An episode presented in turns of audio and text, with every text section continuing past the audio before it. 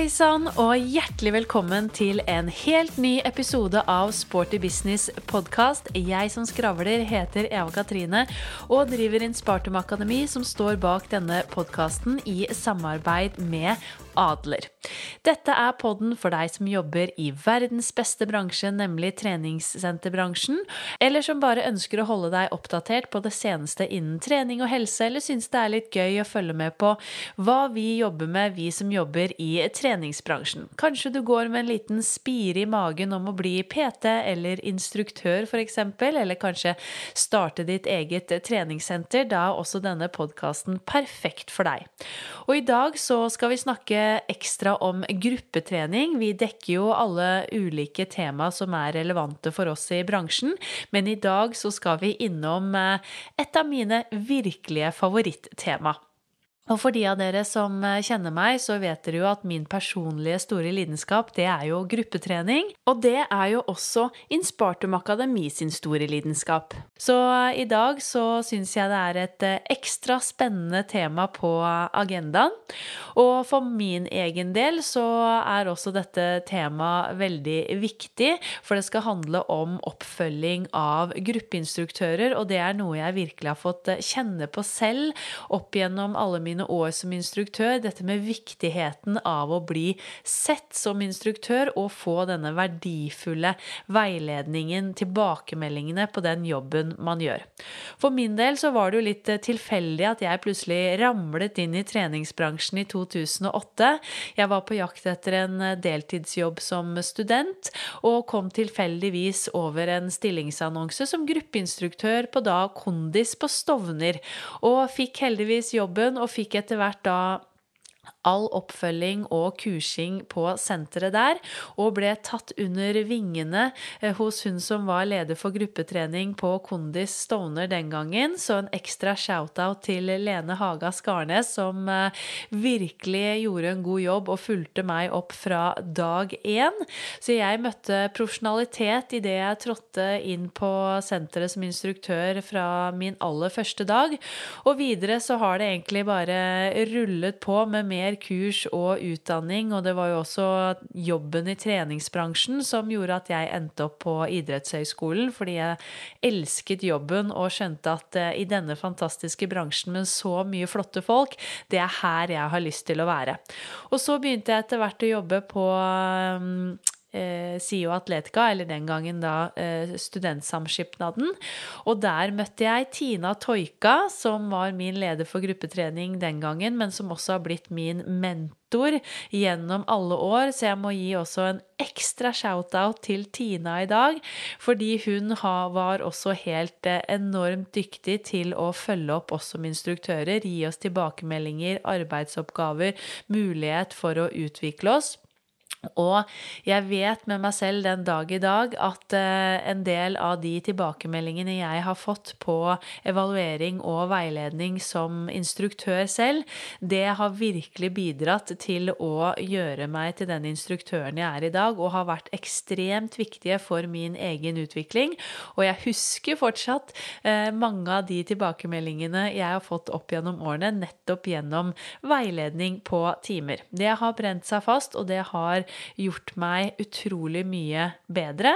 Og det har også vært en viktig inspirasjonskilde og motivasjonskilde for meg eh, gjennom alle disse årene som eh, instruktør. Så dette temaet det brenner jeg skikkelig for, for det er så viktig at eh, de som er gruppeinstruktører på et senter, blir sett og fulgt opp for å lykkes, og ikke minst for at treningssenteret skal lykkes med selve gruppetreningsproduktet. Så sammen med meg i dag så har jeg en annen gruppetreningsentusiast, nemlig Tonje Lien Wold. Hun har en lang karriere både som gruppeinstruktør, men også leder for gruppetrening, og hun har ekstra passion når det kommer til dette med oppfølging av instruktører. Så i dagens pod så får du hennes refleksjoner og erfaringer fra årene i bransjen. Vi gir deg tips og råd for hvordan du skal følge opp instruktørene dine på best mulig måte. Hvordan tar du praten, hvordan legger du opp veiledningen, og hva gjør du hvis du føler at eh, hverdagen og tiden ikke strekker til? til å følge opp alle instruktørene dine, f.eks. Så her prøver vi å gi deg beste, eh, de beste rådene for hvordan lykkes med dette på senteret. Så denne er til alle dere som ønsker å lykkes med gruppetrening. God lytt.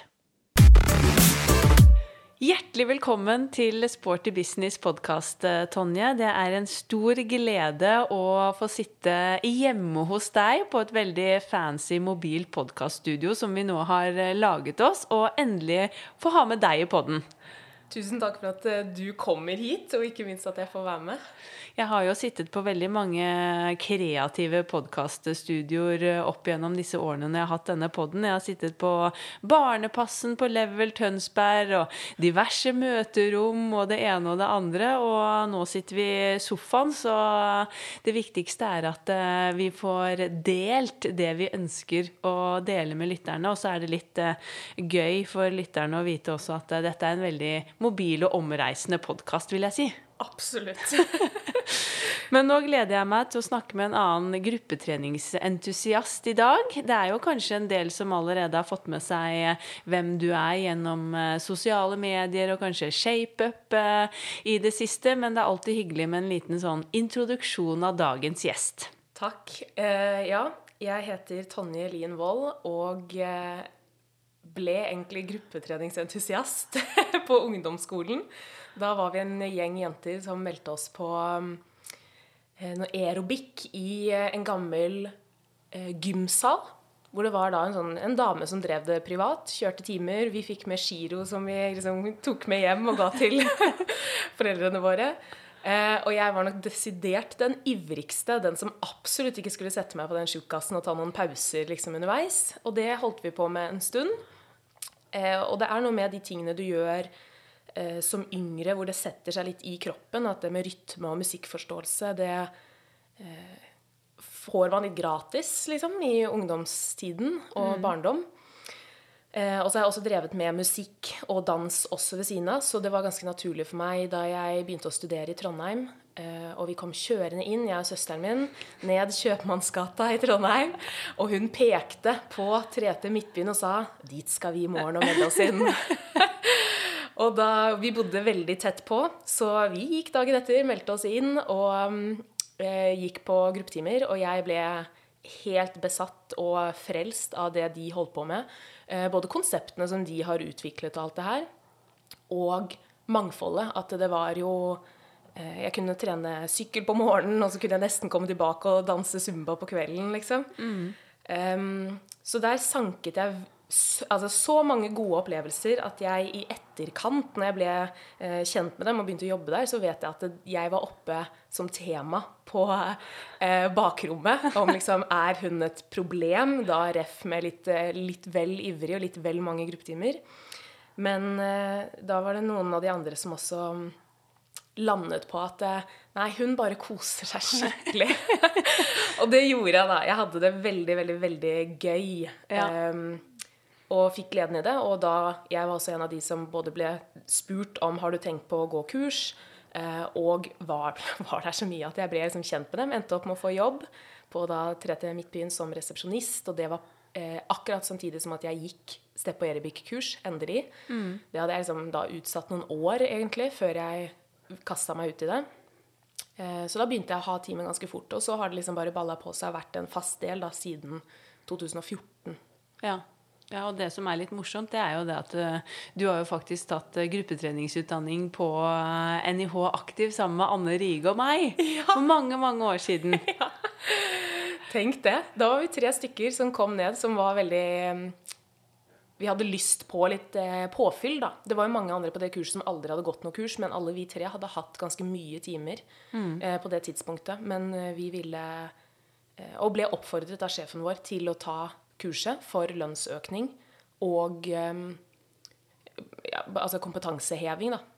Så det var en god leder også. Eh, Ikke sant? Veldig bra. Og det er jo mye av det vi skal snakke om i dag. Altså hvordan man kan løfte gruppeinstruktørene sine frem på senteret. Eh, hvordan man skal veilede, og hvorfor ikke minst det er så viktig for å få dette gruppetreningsproduktet til å lykkes. Men eh, hvilke timer er det du underviser eh, i eh, nå, da? Både på treningsreiser og event og litt her og der? Jeg er litt potet, som har eh, egentlig litt av alt. Så på sånne type mm, steder så blir det litt hva som trengs, og hva jeg kan eh, supplere med. Fordi mange andre ikke har like mange forskjellige konsepter som meg. Men eh, akkurat nå så har jeg fast aerobic eh, uten hopp, så veldig sånn god gammeldags aerobic. Styrke og yoga. Eh, men jeg er også veldig glad i eh, å ha step, og har hatt mye step. Eh, og ikke minst typ sirkeltreningstimer eh, og sykkel- og spinningtimer. Eh, jeg har testet pilates, måtte kaste meg på det. det har vært mye forskjellig. Og altså har jeg hatt trinntimer, men jeg har veldig respekt for hvor mye Eller og det å bygge koreografi, da. Den Ja. type trinntimer som ikke går like mye på vers refreng. Så det har jeg hatt litt av, men ja. Det er ikke det jeg kaster meg først ut i, det skal jeg være eh, ærlig innrømme.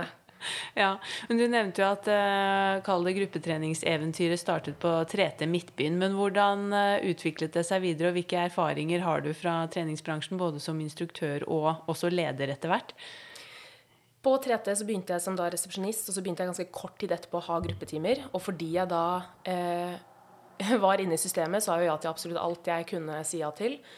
Eh, og endte opp med å bli resepsjonistansvarlig, så det var en fulltidsjobb ved siden av da studier eh, jeg gikk. Eh, så jeg satt jo i det lederteamet og fikk jo veldig god innsikt i gruppetrening og tenkte hele veien at skal jeg gjøre mer i treningsbransjen, så er det mot gruppetrening jeg vil. Eh, Og igjen, denne gode lederen jeg hadde, han også oppfordret meg og tenkte Så, så det samme i meg, da. Tenkte at det er den veien du også skal gå, selv om mulighetene på det 3T-senteret ikke var til stede da. Eh, og så ble jeg ferdig til slutt med de studiene. Brukte litt ekstra, om ikke ekstra tid, men jeg studerte litt ekstra for å kunne bli i Trondheim for å være instruktør, rett og slett. Ja. Så jeg har litt, eh, noen grader ekstra som jeg ikke hadde trengt. eh, og da eh, ja, reiste jeg et år og trengte å få meg en jobb, og eh, tenkte på ting jeg allerede på en måte kunne. Eh, og da vekket det litt sånn tilbake i meg den tanken om gruppetrening. Og jeg søkte på det som da var Sats Elixia.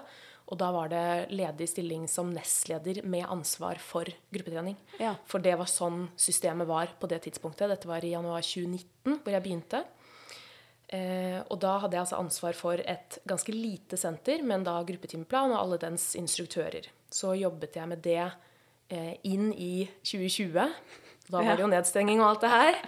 Eh, og så i januar 2021 så fikk jeg muligheten til et vikariat i forbindelse med at SATS endret sin struktur, slik at ansvaret for gruppetrening ikke skulle ligge hos én person per senter, Ja. men at én person hadde flere senter. Eh, Så nestleder ble en ren nestlederstilling. Og jeg fikk da muligheten til den gruppetreningsansvarlige eh, stillingen, og fikk tre senter. Ja. Eh, Hvorav to, men egentlig ett. Det. Jeg fikk annet Sats Bekkestua, og det var jo åpent da større deler av 2021, våren 2021, Ja, ja. enn det um, det var i Oslo, selvfølgelig. Så da fikk jeg også teste meg på et stort senter, helt nye mennesker for meg. Stor gruppetimeplan, og ikke minst alle restriksjonene som var oppi der. Og jeg var et vikariat, så jeg var ganske hard på ballen med at skal jeg knytte kontakt med mennesker nå, så må det skje nå. Jeg kan ikke vente fire-fem måneder og se om jeg kanskje har tid til å møte folk. Jeg må Ja. hardt inn i februar når det åpna, for å møte mest mulig da, av de instruktørene. Og, og begynne å følge opp og være en tilstedeværende leder. Ikke sant. Men hva vil du si er det aller beste med treningsbransjen, da? Og jobben i treningsbransjen? Det er um, at det er å jobbe med livsstilen din. Uh, aktivitet og trening, og det som da blir lidenskapen og hobbyen og livsstilen. Og da selvfølgelig at alle menneskene du møter, deler jo den livsstilen. Sånn at du får Eller jeg opplever at jeg får utløp for en del av meg som er veldig viktig for meg. Og når jeg har vært i eh, andre settinger hvor eh, ikke folk er like aktive, så er jo for det første jeg både den som er helt gal, selvfølgelig, for folk tror jo at du er gal når du går i tights hele tiden. Ja. Da ser det ut som du trener 24 timer i døgnet.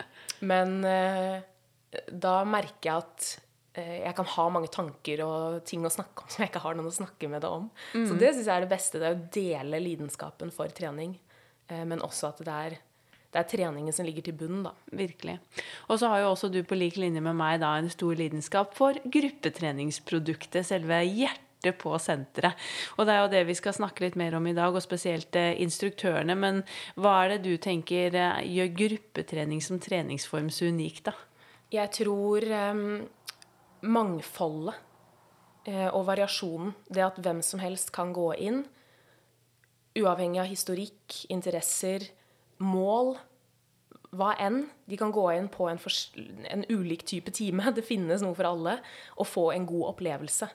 Og eh, vi har begge hatt så mye timer, og det her vil jo mange antageligvis mange lyttere kjenne seg igjen i at du har sett kanskje inn i salen, om du ikke har vært der inne selv, hvor du ser folk på bakerste rad hvor du tenker Trener du engang?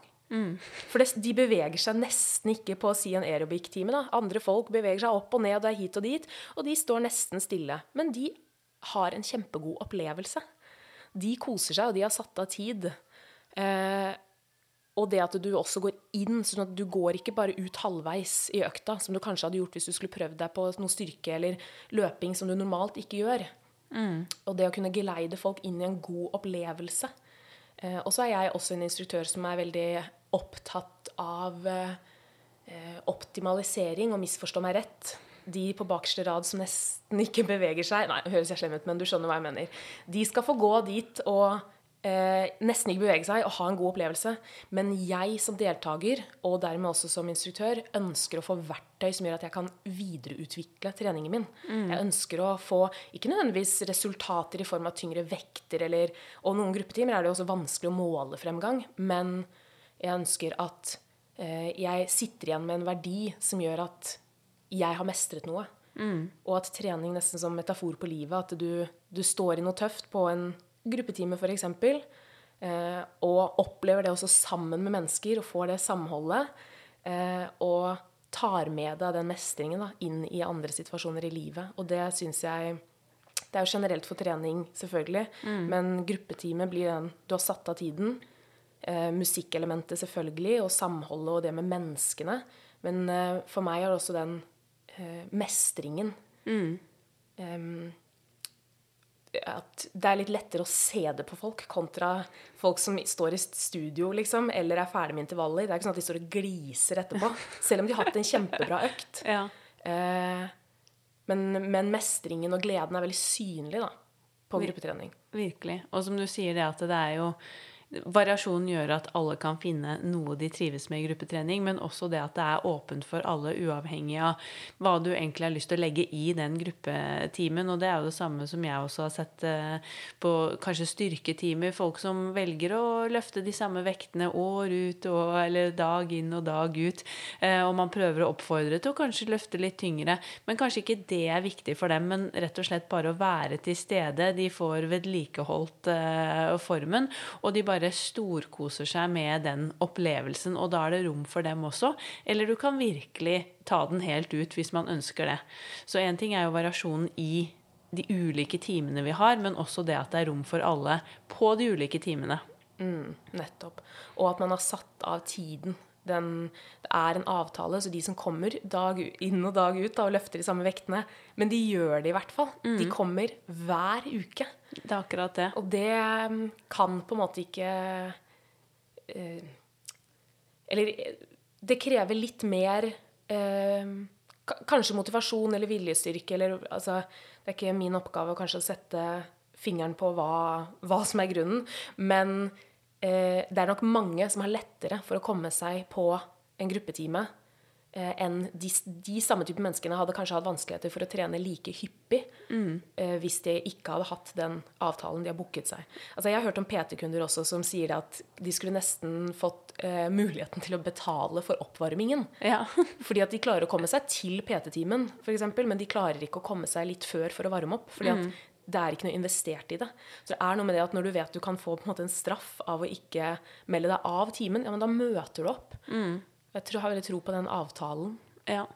Helt som klart. identitetsbyggende element også, at du er en som trener. For det gjør du hver uke. Ja, og det er jo så mye viktigere at uh, de kommer uh, enn kanskje akkurat hva man gjør i den økten, men da har du vært i aktivitet, og det er jo så mye viktigere for uh, helsen generelt. Men for å skape disse fantastiske opplevelsene, da, så er jo instruktøren helt avgjørende. Hva vil du si er det viktigste for å lykkes som instruktør i gruppetrening? Jeg tror lyst og lidenskap må ligge til bunn.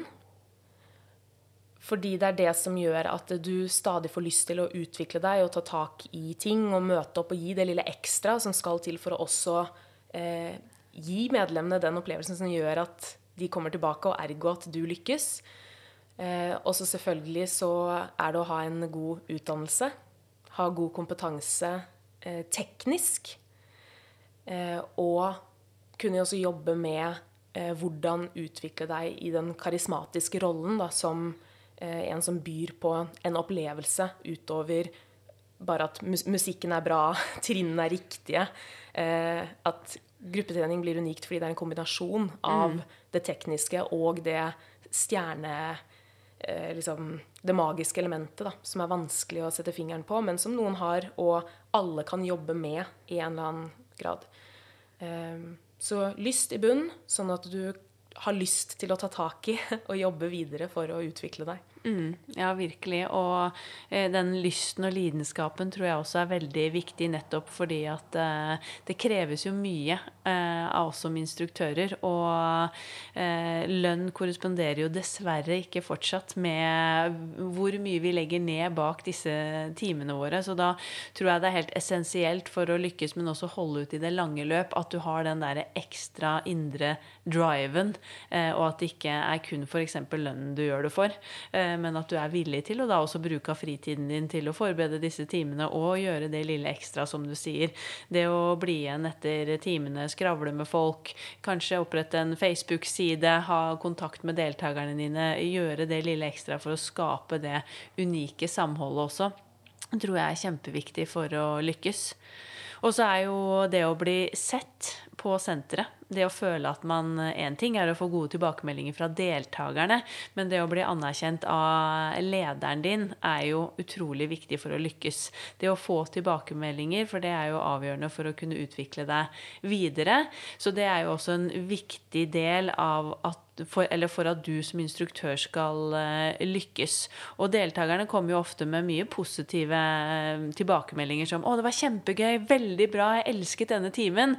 Og det er jo veldig hyggelig å få de tilbakemeldingene, men du lærer ikke så veldig mye av det, for du vet ikke hva var det som gjorde at dette var ekstra gøy i dag, f.eks. Og der kommer jo dette med lederen din, som vi har så vidt vært inne på. Um, så hvorfor er det så viktig å ta tak i dette og virkelig følge opp instruktørene sine på senteret? Hvis man begynner med hovedgrunnen, sånn virkelig det store og det hele, så handler det jo om å tjene penger. Um, alle treningssentre har lyst til å tjene penger, eh, og gruppetrening på mange steder er et eh, til, tillegg, noe du betaler ekstra for. Så der er jo en ting penger. Men det andre er at det, eh, alt av studier i gåsetegn Jeg kan ikke referere til noen av disse. Men det viser seg at de mest fornøyde kundene er jo de som går på gruppetrening og har PT. Så de som investerer noe litt ekstra. Så hvis du som eh, treningssenter ønsker å lykkes, både med å tjene penger og å ha fornøyde medlemmer, så lønner det seg å investere i gruppetreningen, og da i instruktørene. Jobben er også veldig spesiell fordi du er på jobb eh, kanskje én til fire timer i uka. Det betyr ikke at du ikke jobber mer med det, men det gjør du jo gjerne ikke nødvendigvis på jobben. Så du er innom denne arbeidsplassen én til fire timer i uka, alt ettersom hvor mange timer du har. Og hvordan skal en arbeidsplass og en leder klare å bygge lojalitet og eh, en relasjon på så kort tid. Som gjør at den instruktøren ikke bare har lojalitet til senteret og fremsnakker senteret utad, og er en stolt ambassadør og ansatt, men i tillegg ønsker å gjøre eh, det den skal, og da per ref liksom mal på timen den har, spille musikk fra riktig eh, aktør, følge alle de retningslinjene da, som du som leder og treningssenter eh, ønsker at en instruktør skal gjøre. Og den relasjonsbyggingen med instruktør og leder jeg har veldig tro på, og har sett selv i min egen, eh, mine egne sentre jeg har vært innom i forskjellige roller, eh, at der er det en forskjell. Der hvor instruktørene kjenner sin leder og har en ekte relasjon og vet hvem det er, der lykkes eh, senteret på en helt annen måte. Også bare ned i det med vikarhåndtering. Så det, her, det er så mange nivåer da, som Det begynner med at man ønsker å tjene penger, på en måte, men det, det er det medmenneskelige som, er, som skaper det resultatet til slutt. Ja, og selv om gruppetrening er eh, i gåsetegn bare en sånn naturlig del av tilbudet også på mange sentre, så er det jo ekstremt mange som benytter seg av gruppetreningstilbudet på disse sentrene. Og selv om man ikke da kan se på papiret, sånn som du gjør med PT-ene, hvor mye de har solgt i løpet av måneden, og hva de har dratt inn av inntekt i senteret, så ville det vært ganske dramatisk for mange sentre hvis de hadde kuttet ut gruppetreningstilbudet og da sett hvor mange medlemmer som forsvant, som da kun benytter seg av gruppetrening, eller hvor gruppetrening er det viktigste. Så gruppetrening i seg selv er jo en viktig del for eh, omsetningen og inntekten til eh, sentrene, uavhengig av hvordan også det gjøres, om det er en inkludert del, eller om man må betale for det i tillegg. Og som du nevner dette med at man ofte bare har ja, alt fra én til fire timer, så kan man jo ofte også føle seg som instruktør litt sånn alene, for du bare kommer og går. Det er hei og ha det til resepsjonisten, og that's it. Og så møter du ingen andre fordi du er der også da på kveldstid. Og det vet jeg jo også kan gjøre at man fort kan bli ganske demotivert. Eh, man får aldri tilbakemeldinger, ingen ser den fantastiske jobben du leverer i salen, eller hvordan du kanskje også har utviklet deg, eller kanskje du har vært på et kurs og fått ny inspirasjon, og så er det aldri noen som møter deg. Nettopp. Og man kan jo heller ikke garantere at den resepsjonisten, eh, som kanskje er en 18 år gammel eh, jente som er, har sin første jobb, som er litt sjenert Det er ikke sikkert at hun klarer å være skikkelig på ballen og, og blir kjent med deg som instruktør. Så det er mange punkt her hvor man kan føle seg alene, da, som du sier, at man ikke har den eh, relasjonen og kontakten til senteret. Hvor ofte tenker du at man bør følge opp instruktørene sine? det her er kanskje sånn hårete mål, men mitt mål og ønske var at jeg ville møte dem en gang i måneden ish. eh, Og i hvert fall følge opp minst ett konsept en gang i halvåret. Og med minst ett konsept så mener jeg at mange har jo gjerne to timer på rad, og da ville jeg alltid tatt og vært med på eh, begge to. Med mindre det er en grunn til at det ikke hadde vært noe vits. Um, og med å møte dem så Eh, Det er litt som den, på en en kontorjobb, da. Den kaffepraten. At du møter dem i døra, og jeg kunne ofte eh, hjelpe dem med f.eks. sette opp utstyret mens de sa hei til medlemmer. Spurte hva trengte de. Altså at jeg bidro med noe som gjorde at jeg var der for dem. Ja. Jeg var en, en støtte i en eller annen form. Og typisk sånn at jeg står og lukker døra før timestart og liksom roper inn i timen sånn 'God time, kos dere', eh, før jeg lukker døra. Så det kan være sånne møter. Det trenger ikke at jeg må være med på timen, men eh, legge arbeidstidene mine til eh, forskjellig sånn rullerende, da. Fryktelig altså, uforutsigbart med når man har den jobben. Ja. Men eh, at jeg jobbet liksom mandag kveld og tirsdag morgen, og uken etter så var det kanskje da mandag morgen og tirsdag kveld. Ja. Eh, sånn at jeg møtte flest mulig. Og mm, de små kontaktpunktene gjorde jeg, eh, opplevde jeg at gjorde at de lettere kom med små ting. Alt fra at eh, Å, du, de vektene er jo litt sånn, eller kan vi få sånt utstyr, eller er det noe rart med lyden? De små tingene som de kanskje normalt ikke ville sagt, fordi de får den kontaktflaten. Og direkte videre også til det med vikarhåndtering, at eh, jeg opplever ofte at de føler at de gjør det for meg. ja. De stiller opp for meg. Så under covid at jeg hadde instruktører fra Oslo som kom til Bekkestua for å hjelpe til. Sikkert litt fordi de var desperate etter å få ha timer også. det var noe med det. Men jeg var jo også desperat og trengte jo noen som da kom en ganske lang reisevei, Ja. men som gjorde det for meg. Ja, det syns jeg var et veldig godt tips. Det å kunne bare møte dem litt sånn ja, uforpliktende, uformelt eh, til stede på senteret istedenfor at man må sette av en tid i kalenderen fordi nå skal vi møtes. For det er jo ofte veldig vanskelig å få den kabalen til å gå opp. Og så merker jeg jo med meg selv bare opp gjennom årene, jeg prøver alltid å være flink og si fra, men det er så lett at jeg har vært i salen, så hører jeg at her er det noe rart med anlegget i dag, eller det skjedde noe med mikrofon, eller det er noe annet som har skjedd, eller klokken har falt ned, eller den er knust, eller den er stoppet, eller hva som helst. Og så går jeg derfra og så er sånn Nå må jeg huske å sende mail om dette, eller si fra.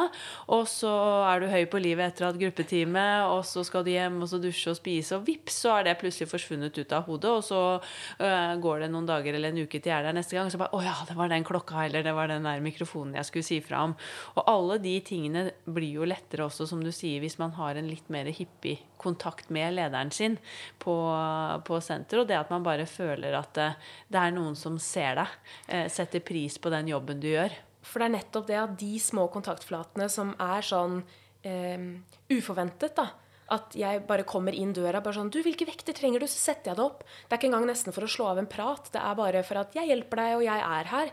Da er det både lettere at du føler ansvar for at Oi, da må jeg gjøre det jeg skal.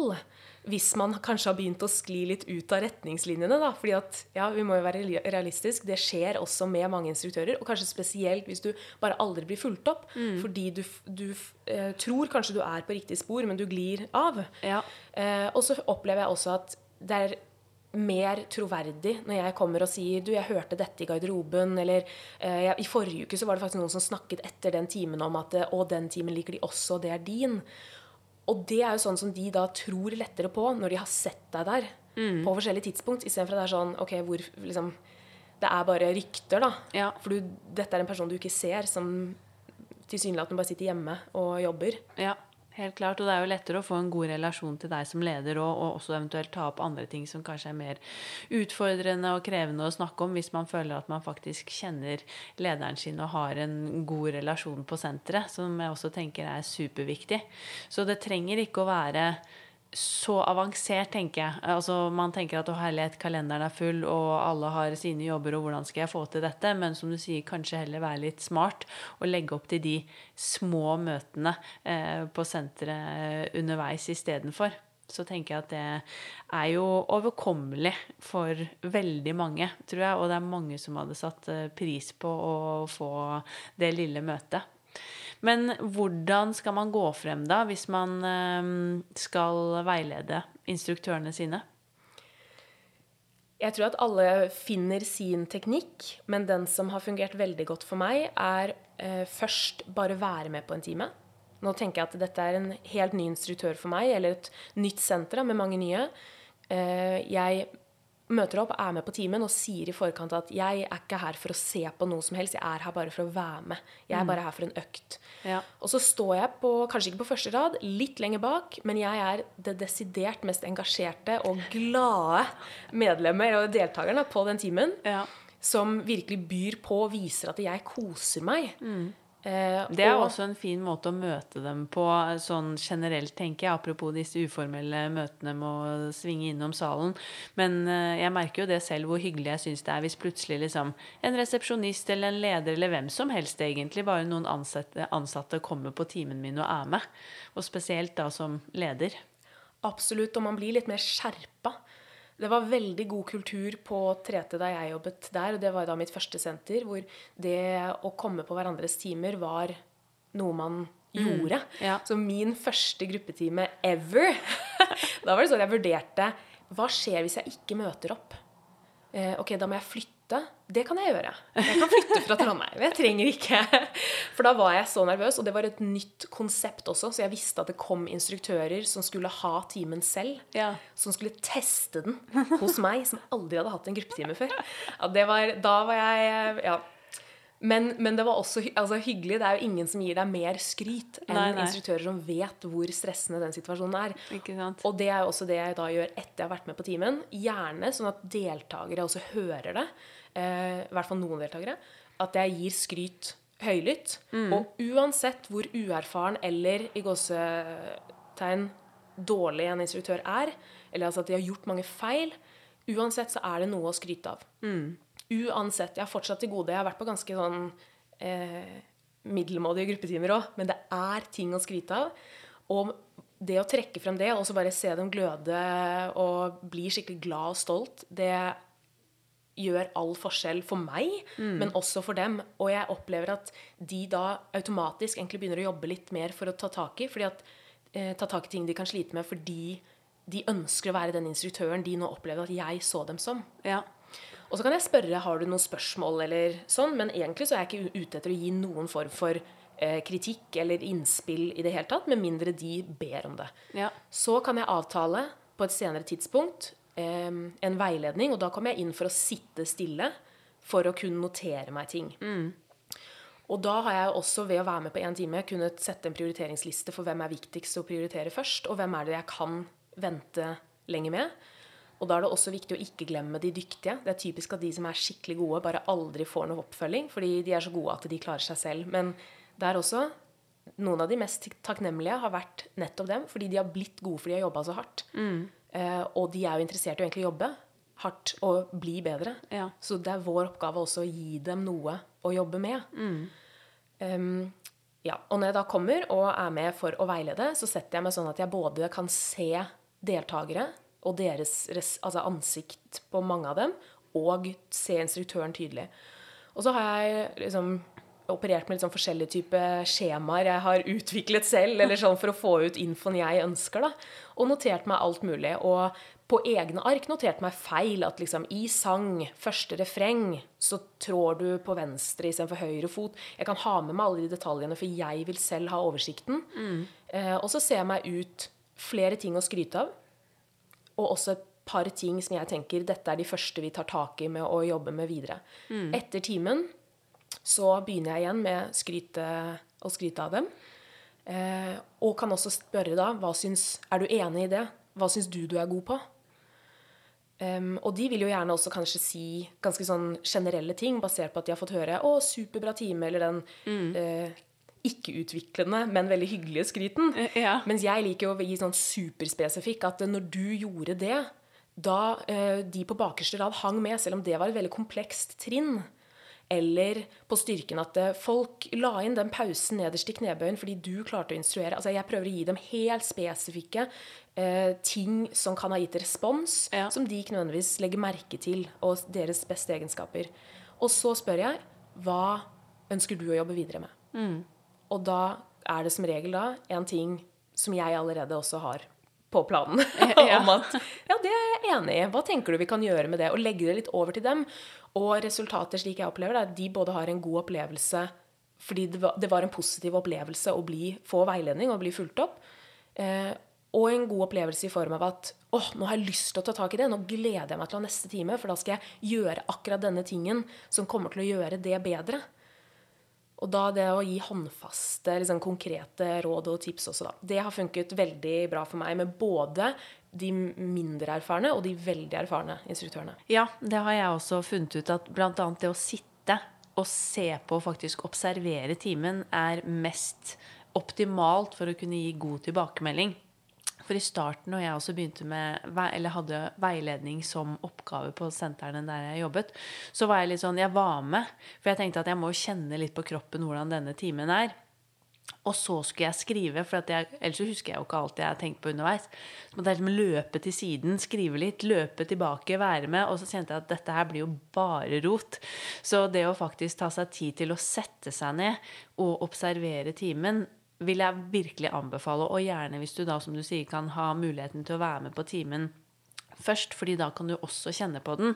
Men jeg tenker, har man ikke mulighet til begge deler, så vil jeg egentlig anbefale å observere, for du kan likevel, etter å ha observert mange timer og vite hva som skal til, f.eks. ut ifra treningslæren, så vil du kunne se om timene er lagt opp intensitetsmessig korrekt, eller med tanke på belastning i styrketimer eller eh, intensitetsstyring på syk sykkel, om du ser om det er hensiktsmessig, og du kan jo også observere alle deltakerne. Så jeg vil også ab absolutt anbefale det å faktisk ta seg tid til å sitte og notere. Eh, og som du sier da, eh, i etterkant løfte frem eh, høydepunktene, eh, og så gi de noen arbeidsoppgaver. Og så har jeg også alltid vært nøye på å ta vare på det, sånn at vi kan da ved en senere veiledning gå tilbake og si at å ja, men nå har du faktisk fått på plass dette og dette som vi snakket om forrige gang. Og det òg tenker jeg er veldig eh, lærerikt for instruktørene.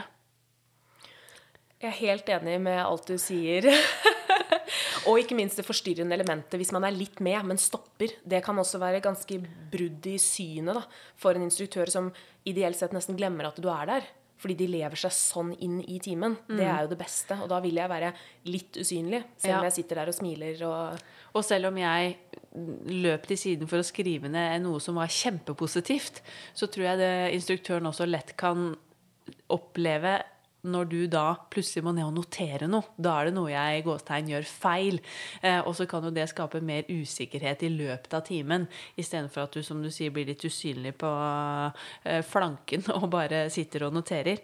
Men du har jo også skrevet om dette for oss i Inspartum på denne inspirasjon- og fagbloggen vår, så den kan jeg også skyte inn at jeg anbefaler alle å lese. Eh, dette om eh, veiledning av instruktører og hvordan gå frem. Men der nevner du bl.a. noe du kaller en utviklingsmodell. Kan du ikke fortelle litt om den?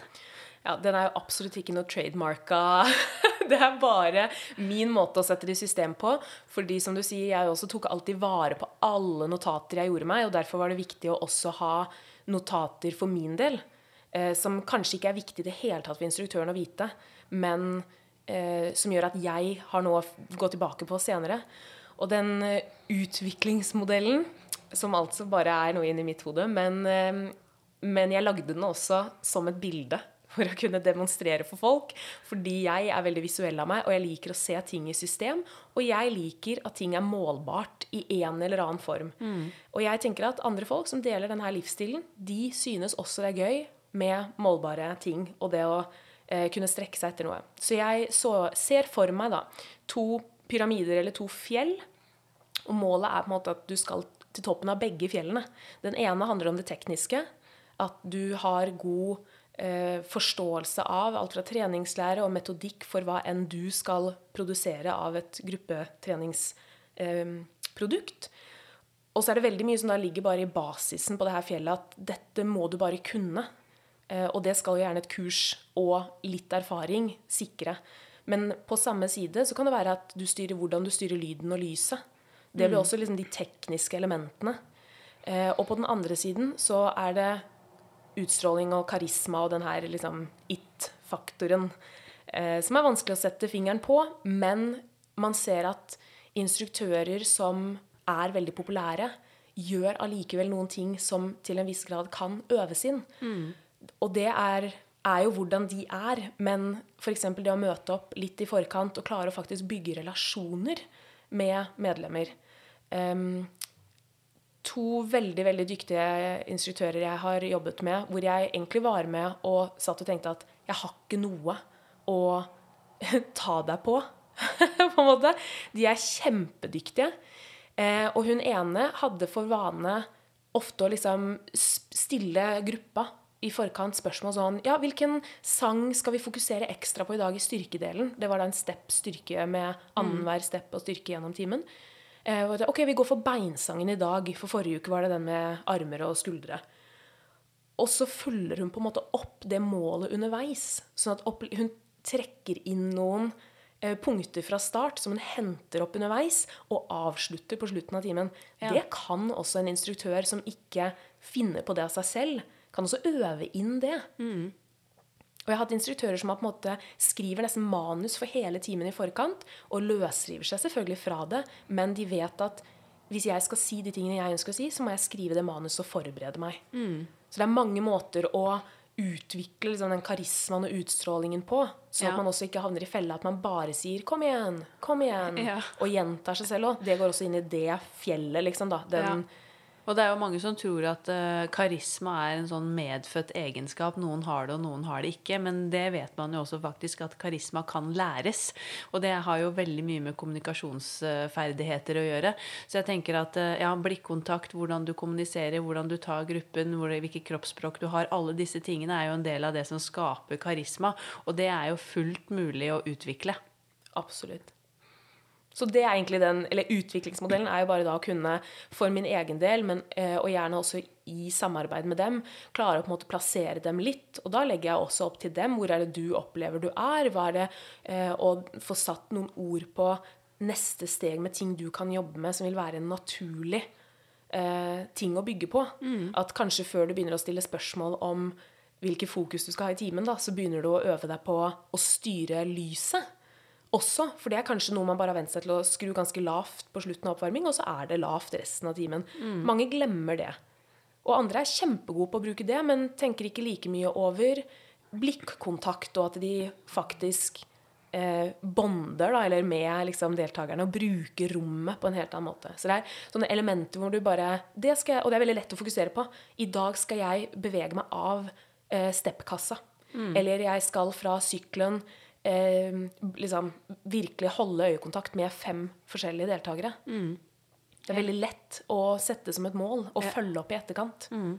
Og jeg tenker De fleste utvikler jo disse skjemaene man skriver på, eller sånne type ting selv. Og det er jo supert å få tips, sånn som f.eks. det du kaller utviklingsmodellen. For det, det, kan jo veldig mange bruke om man lager en stige eller en pyramide, men det gjør det jo veldig visuelt, som du sier. Og så er jo instruktørrollen veldig sånn at du må bygge stein for stein. Altså I starten så må du liksom få på plass det å kunne stå foran folk og snakke, og vite, kunne musikken din og huske hva du skal gjøre. Og når det sitter i ryggmargen, da kan du begynne å legge på litt mer eh, feedback og tilbakemeldinger til deltakerne.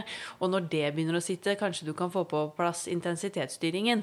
Og når det begynner å sitte, kan du begynne å kanskje slå deg litt mer løs, leke med flere elementer. Så det er jo veldig viktig også å kunne bygge disse trinnene, spesielt for de som er nye. For man klarer jo ikke å mestre alt dette fra dag én. Eh, og da vil jo en sånn type utviklingsmodell, pyramide, gjøre det veldig synlig at ok, men nå har vi fått på plass dette dette. Neste steg er f.eks. utvikle ja, stemmebruk, eh, tonasjon, som du sier, lys, lyd. Hvordan kan man utvikle det? Eh, jeg husker jeg fikk tilbakemelding en gang om at jeg måtte bli mer crazy, for jeg var så fryktelig ordentlig. Det var liksom den tilbakemeldingen jeg husker jeg fikk sånn, ja, etter noen år som instruktør, og som virkelig brant seg fast. Da. For synes, Først så syntes jeg det var en, egentlig en litt idiotisk tilbakemelding. Jeg var bare sånn hva skal jeg med det? på en måte. Men uh, det som var, var at jeg var fryktelig ordentlig. Alt var veldig mm. perfekt og inne i boksen, uh, men egentlig kjedelig. Det ble til slutt veldig kjedelig, for alt var veldig ordentlig. Så jeg fikk jo oppgave å rett og slett være litt mer gal, tørre å improvisere, tørre å gjøre noe jeg aldri hadde gjort før. Tørre å by på meg selv, da, egentlig for å selvfølgelig finne ut hvem er du som instruktør?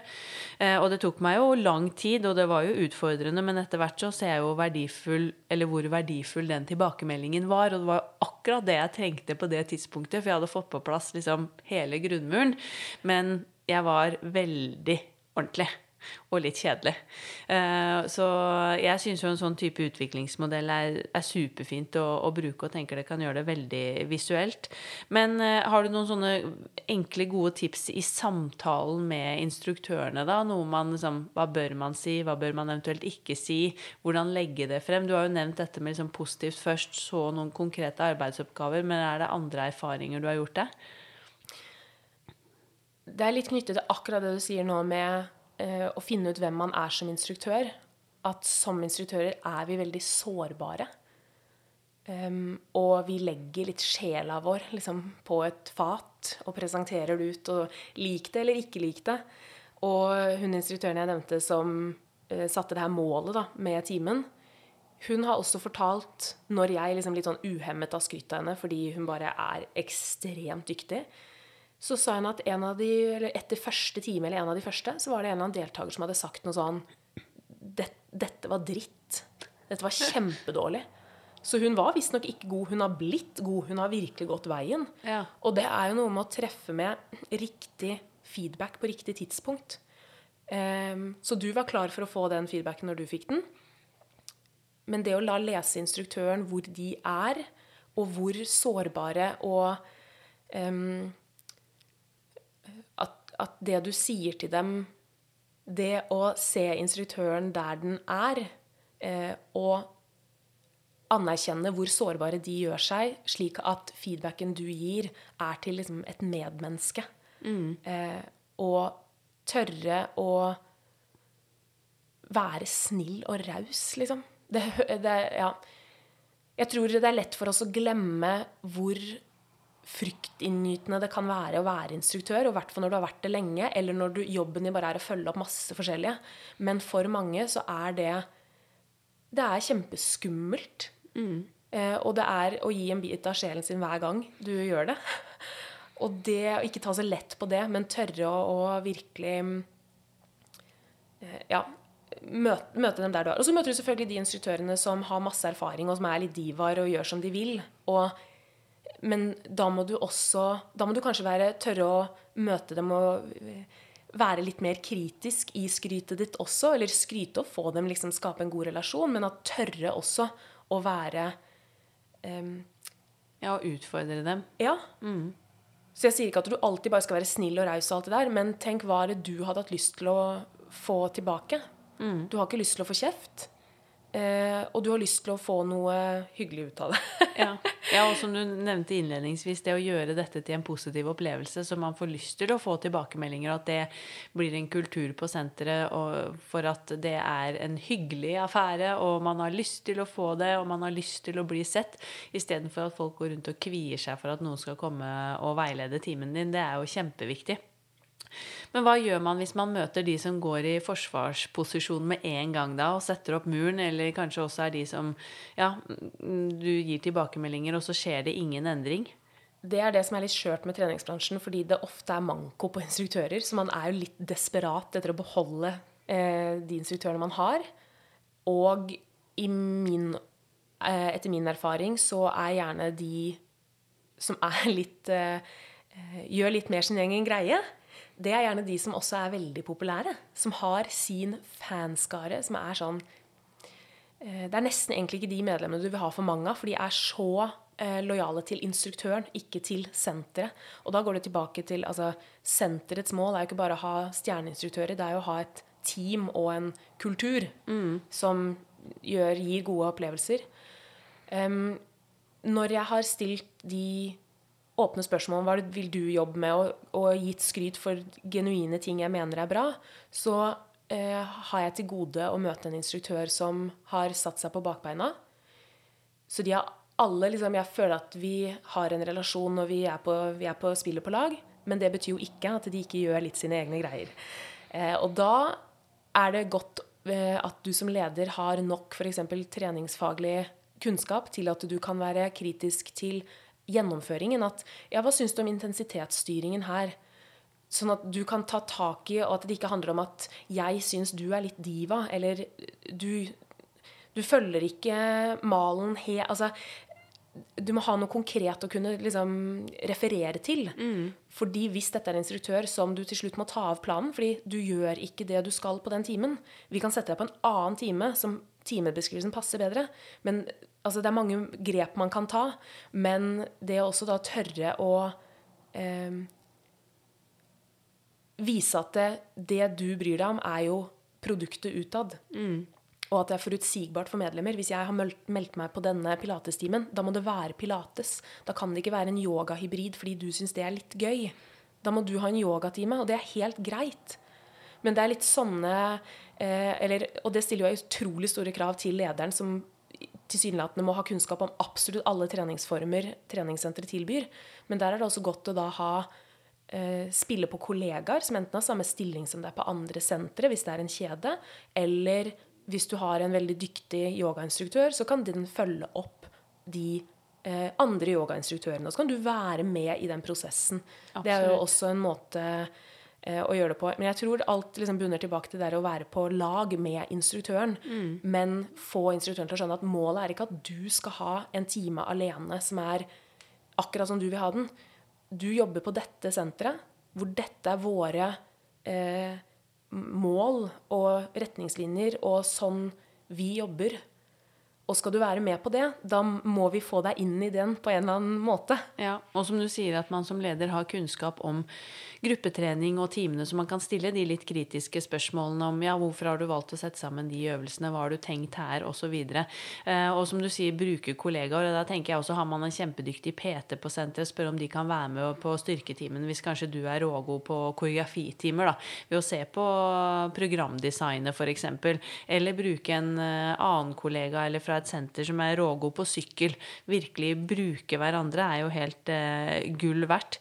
Men har du noen gode tips til ledere som sitter og tenker at åh, oh, min timeplan er bare helt full. Jeg har ikke sjans til å følge opp instruktørene mine sånn som jeg ønsker, eller én til én. Er det noe man kan gjøre da for å i hvert fall gjøre noe? Først, litt som vi sa, det å ikke gjøre det så komplisert. Legg arbeidstidene til tidspunkt hvor du kan få møtt flest mulig, enklest mulig. Og de menneskene hvor du sjelden eller aldri klarer å møte, finn en annen måte du kan følge opp den på. Ta, liksom, slå av en telefon til den helgerulleringspersonen, da, eller et eller annet sånt. Um, så gjøre det uhøytidelig. Kanskje du sitter og jobber med og ser over timeplan, og så trenger du en pause, så går du fem minutter ut, så sier du hei til instruktøren som begynner timen, og så går du tilbake og jobber videre.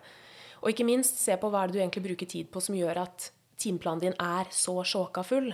For ofte blir vi jo sittende med vikarhåndtering, eller arbeidsoppgaver som én kanskje kunne vært løst på en bedre måte, eller løst av noen andre.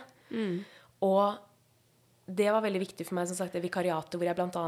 da jobbet med Bekkestua, og det åpnet i februar 2021, og jeg bare løp til for å bli kjent med folk. Det var fordi jeg skjønte at det vil være kjempestore vikarkrav pga. covid. Mm. Og jeg trenger at de har lyst til å stille opp for meg for å stille opp og være vikarer. Og det mm. opplevde jeg at funket kjempebra. Nå skal det også sies at akkurat dette senteret er veldig sånn gruppetreningskjent. Eh, da. Det er god kultur på det senteret. Så der har noen gjort en jobb i foregående år for å skape den kulturen som jeg fikk lov til å høste eh, gode frukter av. Mm. Men ja, gjøre det enklest eh, mulig og prøve å røske opp i hvilke oppgaver som kanskje ikke trenger å, trengs å bli gjort av deg på akkurat den måten. For det med da vikarhåndtering at hvis instruktørene i mye større grad har en makker og løser ting seg imellom, så er du frigitt tid. Så du kan være med på timene deres. Ja. Men kanskje du må begynne med å være med på timene deres for å løse problemet liksom bakover, da. Mm, absolutt. Og kanskje er relasjonsbygging svaret på vikarproblematikk, hvis man har det på senteret. Mm. Men i dette innlegget som du har skrevet for oss, så har du også bl.a. skrevet å investere tid i oppfølging er å investere direkte i medlemmenes opplevelse. Og det er jo en setning jeg liker veldig godt. Eh, så helt sånn avslutningsvis, kan du ikke si litt om eh, hva du på en måte legger i disse eh, ordene, eh, og hvorfor det er så viktig for senteret å investere i instruktørene? Jeg tror en utfordring i treningssenterbransjen er at mange som jobber i den, ikke forstår hvor viktig gruppetrening er, og hva det er i det hele tatt. Eh, jeg har vært heldig og jobbet med mange som har valgt å investere i det. Tid og krefter. Og så har jeg også hatt ledere som ikke har vært med på en eneste time. Eh, og da er det vanskelig å investere i og forstå viktigheten av det. Men til syvende og sist så er dette et produkt som skaper gode opplevelser og gode medlemmer. Når det er sagt, et treningssenter har jo også en topp på hvor mange medlemmer det kan ha.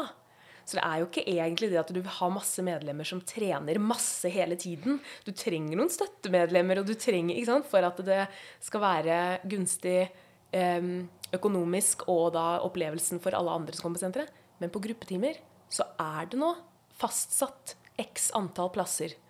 Så den timen går om du har møtt opp fem eller om du har møtt opp 60. Mm. Så da vil du ha alle de 60 inn. Og hvis det er 60 fornøyde mennesker som uke etter uke kommer, går rett inn, går på den timen, og så går de rett ut i etterpå, og så snakker de både i garderoben og til alle vennene sine utafor at du, det senteret i den byen der, det er noe liksom det er verdt å stoppe innom når du skal på fjellet for å gå på en gruppetime. Ja. Å være det senteret. Det er det man ønsker. Mm. Eh, og så det er lett da kanskje for den lederen som ikke har vært på en gruppetime, å tenke ja, ja, men herregud, det er bare noen damer som hopper og spretter inni der. Men faktum er jo det at det at de hopper og spretter der inne, gjør at de ikke opptar plass ute i studio. Så hvis man sliter også med å skjønne viktigheten av eh, å investere i gruppetrening, så er det jo en, en sånn veldig punkt der. Og uten instruktøren som blir over tid, som er lojal til sin time, sine medlemmer, men også senteret, sin leder og sitt team og sine kollegaer, så vil det produktet falle i fisk. Mm. Fordi enhver ny instruktør bruker i snitt minst et halvt år på å få en time opp og gå. Mm. Og bare en ny time på timeplanen. Så du trenger også at de er der over tid, og da må de trives på det senteret. Eh, så det å investere i oppfølging og også videreutvikling og gjerne kursing av disse instruktørene, så du er sikret en instruktørbase i mange år, det tror jeg er, eh, det er forskjellen på et senter eller en kjede som lykkes, kontra en som ikke lykkes med gruppetrening, og som derfor mister veldig mange fordeler med å ha et sterkt gruppetreningstilbud. Mm. Jeg er veldig enig. Jeg må jo si at dette er jo musikk i mine ører, som man sier. Men uh, virkelig, det er uh, noe av det som er aller viktigst for å lykkes med dette produktet. Og du og jeg vi kunne jo ha sittet i denne sofaen og skravlet om gruppetrening, viktigheten, hva man bør gjøre for å hjelpe alle disse fantastiske instruktørene frem i eh, ja, det vide og det brede. Men vi skal begynne å runde av, så helt på tampen så lurer jeg også på om du har noen gode tips for hvem vi kunne intervjue i Sporty Business, som du har lyst til å sende stafettpinnen videre til? Ja, privat så er jeg veldig glad i den her optimaliseringen, da. Eh, fordi jeg syns det er veldig gøy å trene. Så jeg trenger både å vite hva jeg selv skal gjøre for å eh, trene smart, eh, og restitusjon og mental trening og alle disse eh, andre elementene ut, mm. som gjør at treningen blir bedre. Det er jo meg privat. Men som gruppetreningsentusiast og det her med oppfølging, så syns jeg det hadde vært interessant og kanskje nesten også få et eh, motsatt blikk fra noen som ikke er så interessert i gruppetrening, og, men som vil drive treningssenter. Eh, for å rett og slett høre nesten litt sånn paneldebatt. Hva som eh, er årsak til eh, hvorfor ikke. Ja. Det hadde vært interessant. Men sånn privat så synes jeg det er, eh, og personlig syns jeg det er spennende med de her Eh, episodene som dere har mange av, da, som tar for seg veldig mange forskjellige punkter av trening. Alt fra da restitusjon til kvinnehelse, ikke minst. Mm. Eh, ja, mentaltrening. Har du et navn der du vil trekke frem? Jeg syns jo den med Anja Hammerseng Edin var jo kjempebra, så en til med henne hadde jo vært fint. eh, og så skal jeg nå innrømme at jeg hører nok mest på eh, utenlandske podkaster, hvor jeg får veldig mange sånn navn og tips og um, men ja. Jeg skal tenke litt på det, så skal jeg sende deg en eh, privat melding. Herlig. Men uh, tusen hjertelig takk for at du tok deg tid, eh, Tonje. Her tror jeg det er veldig mye verdifullt for mange som sitter rundt på treningssentrene og klør seg litt i hodet for hvordan skal man gjøre denne oppfølgingen på en god måte. Så har de fått veldig mange gode tips, og ikke minst anbefaler også å sjekke ut det innlegget du har skrevet med flere tips for hvordan gå frem eh, når det gjelder dette med å følge opp eh, instruktører. Så tusen hjertelig takk for en kjempefin prat. Takk, det samme. Tusen takk for at du hang med nok en gang, og håper at uh, dette også ga faglig påfyll og inspirasjon som du kan ta med deg inn i din egen jobb på senteret. Vi poddes jo igjen allerede om to uker, og da er det temaet senterdrift, det å starte opp senteret. Hva skal man tenke på da når man skal sette i gang planleggingsprosessen av et nytt treningssenter? Så den gleder jeg meg veldig til å dele med dere. I mellomtiden så håper jeg du vil følge oss i sosiale medier at Sporty Business Podcast på Instagram, og bli gjerne med i gruppen vår på Facebook med samme navn, Sporty Business. Og alt av tilbakemeldinger og innspill til eventuelt tema og gjester tas også imot med stor takk, så enten ta kontakt via sosiale medier, eller send meg en mail på eokatrine at inspartum.no. Så håper jeg at du får en strålende sporty og aktiv dag videre. Tusen hjertelig takk for at du lyttet på. Vi poddes. Denne podkasten produseres av Inspartum Akademi og Adler.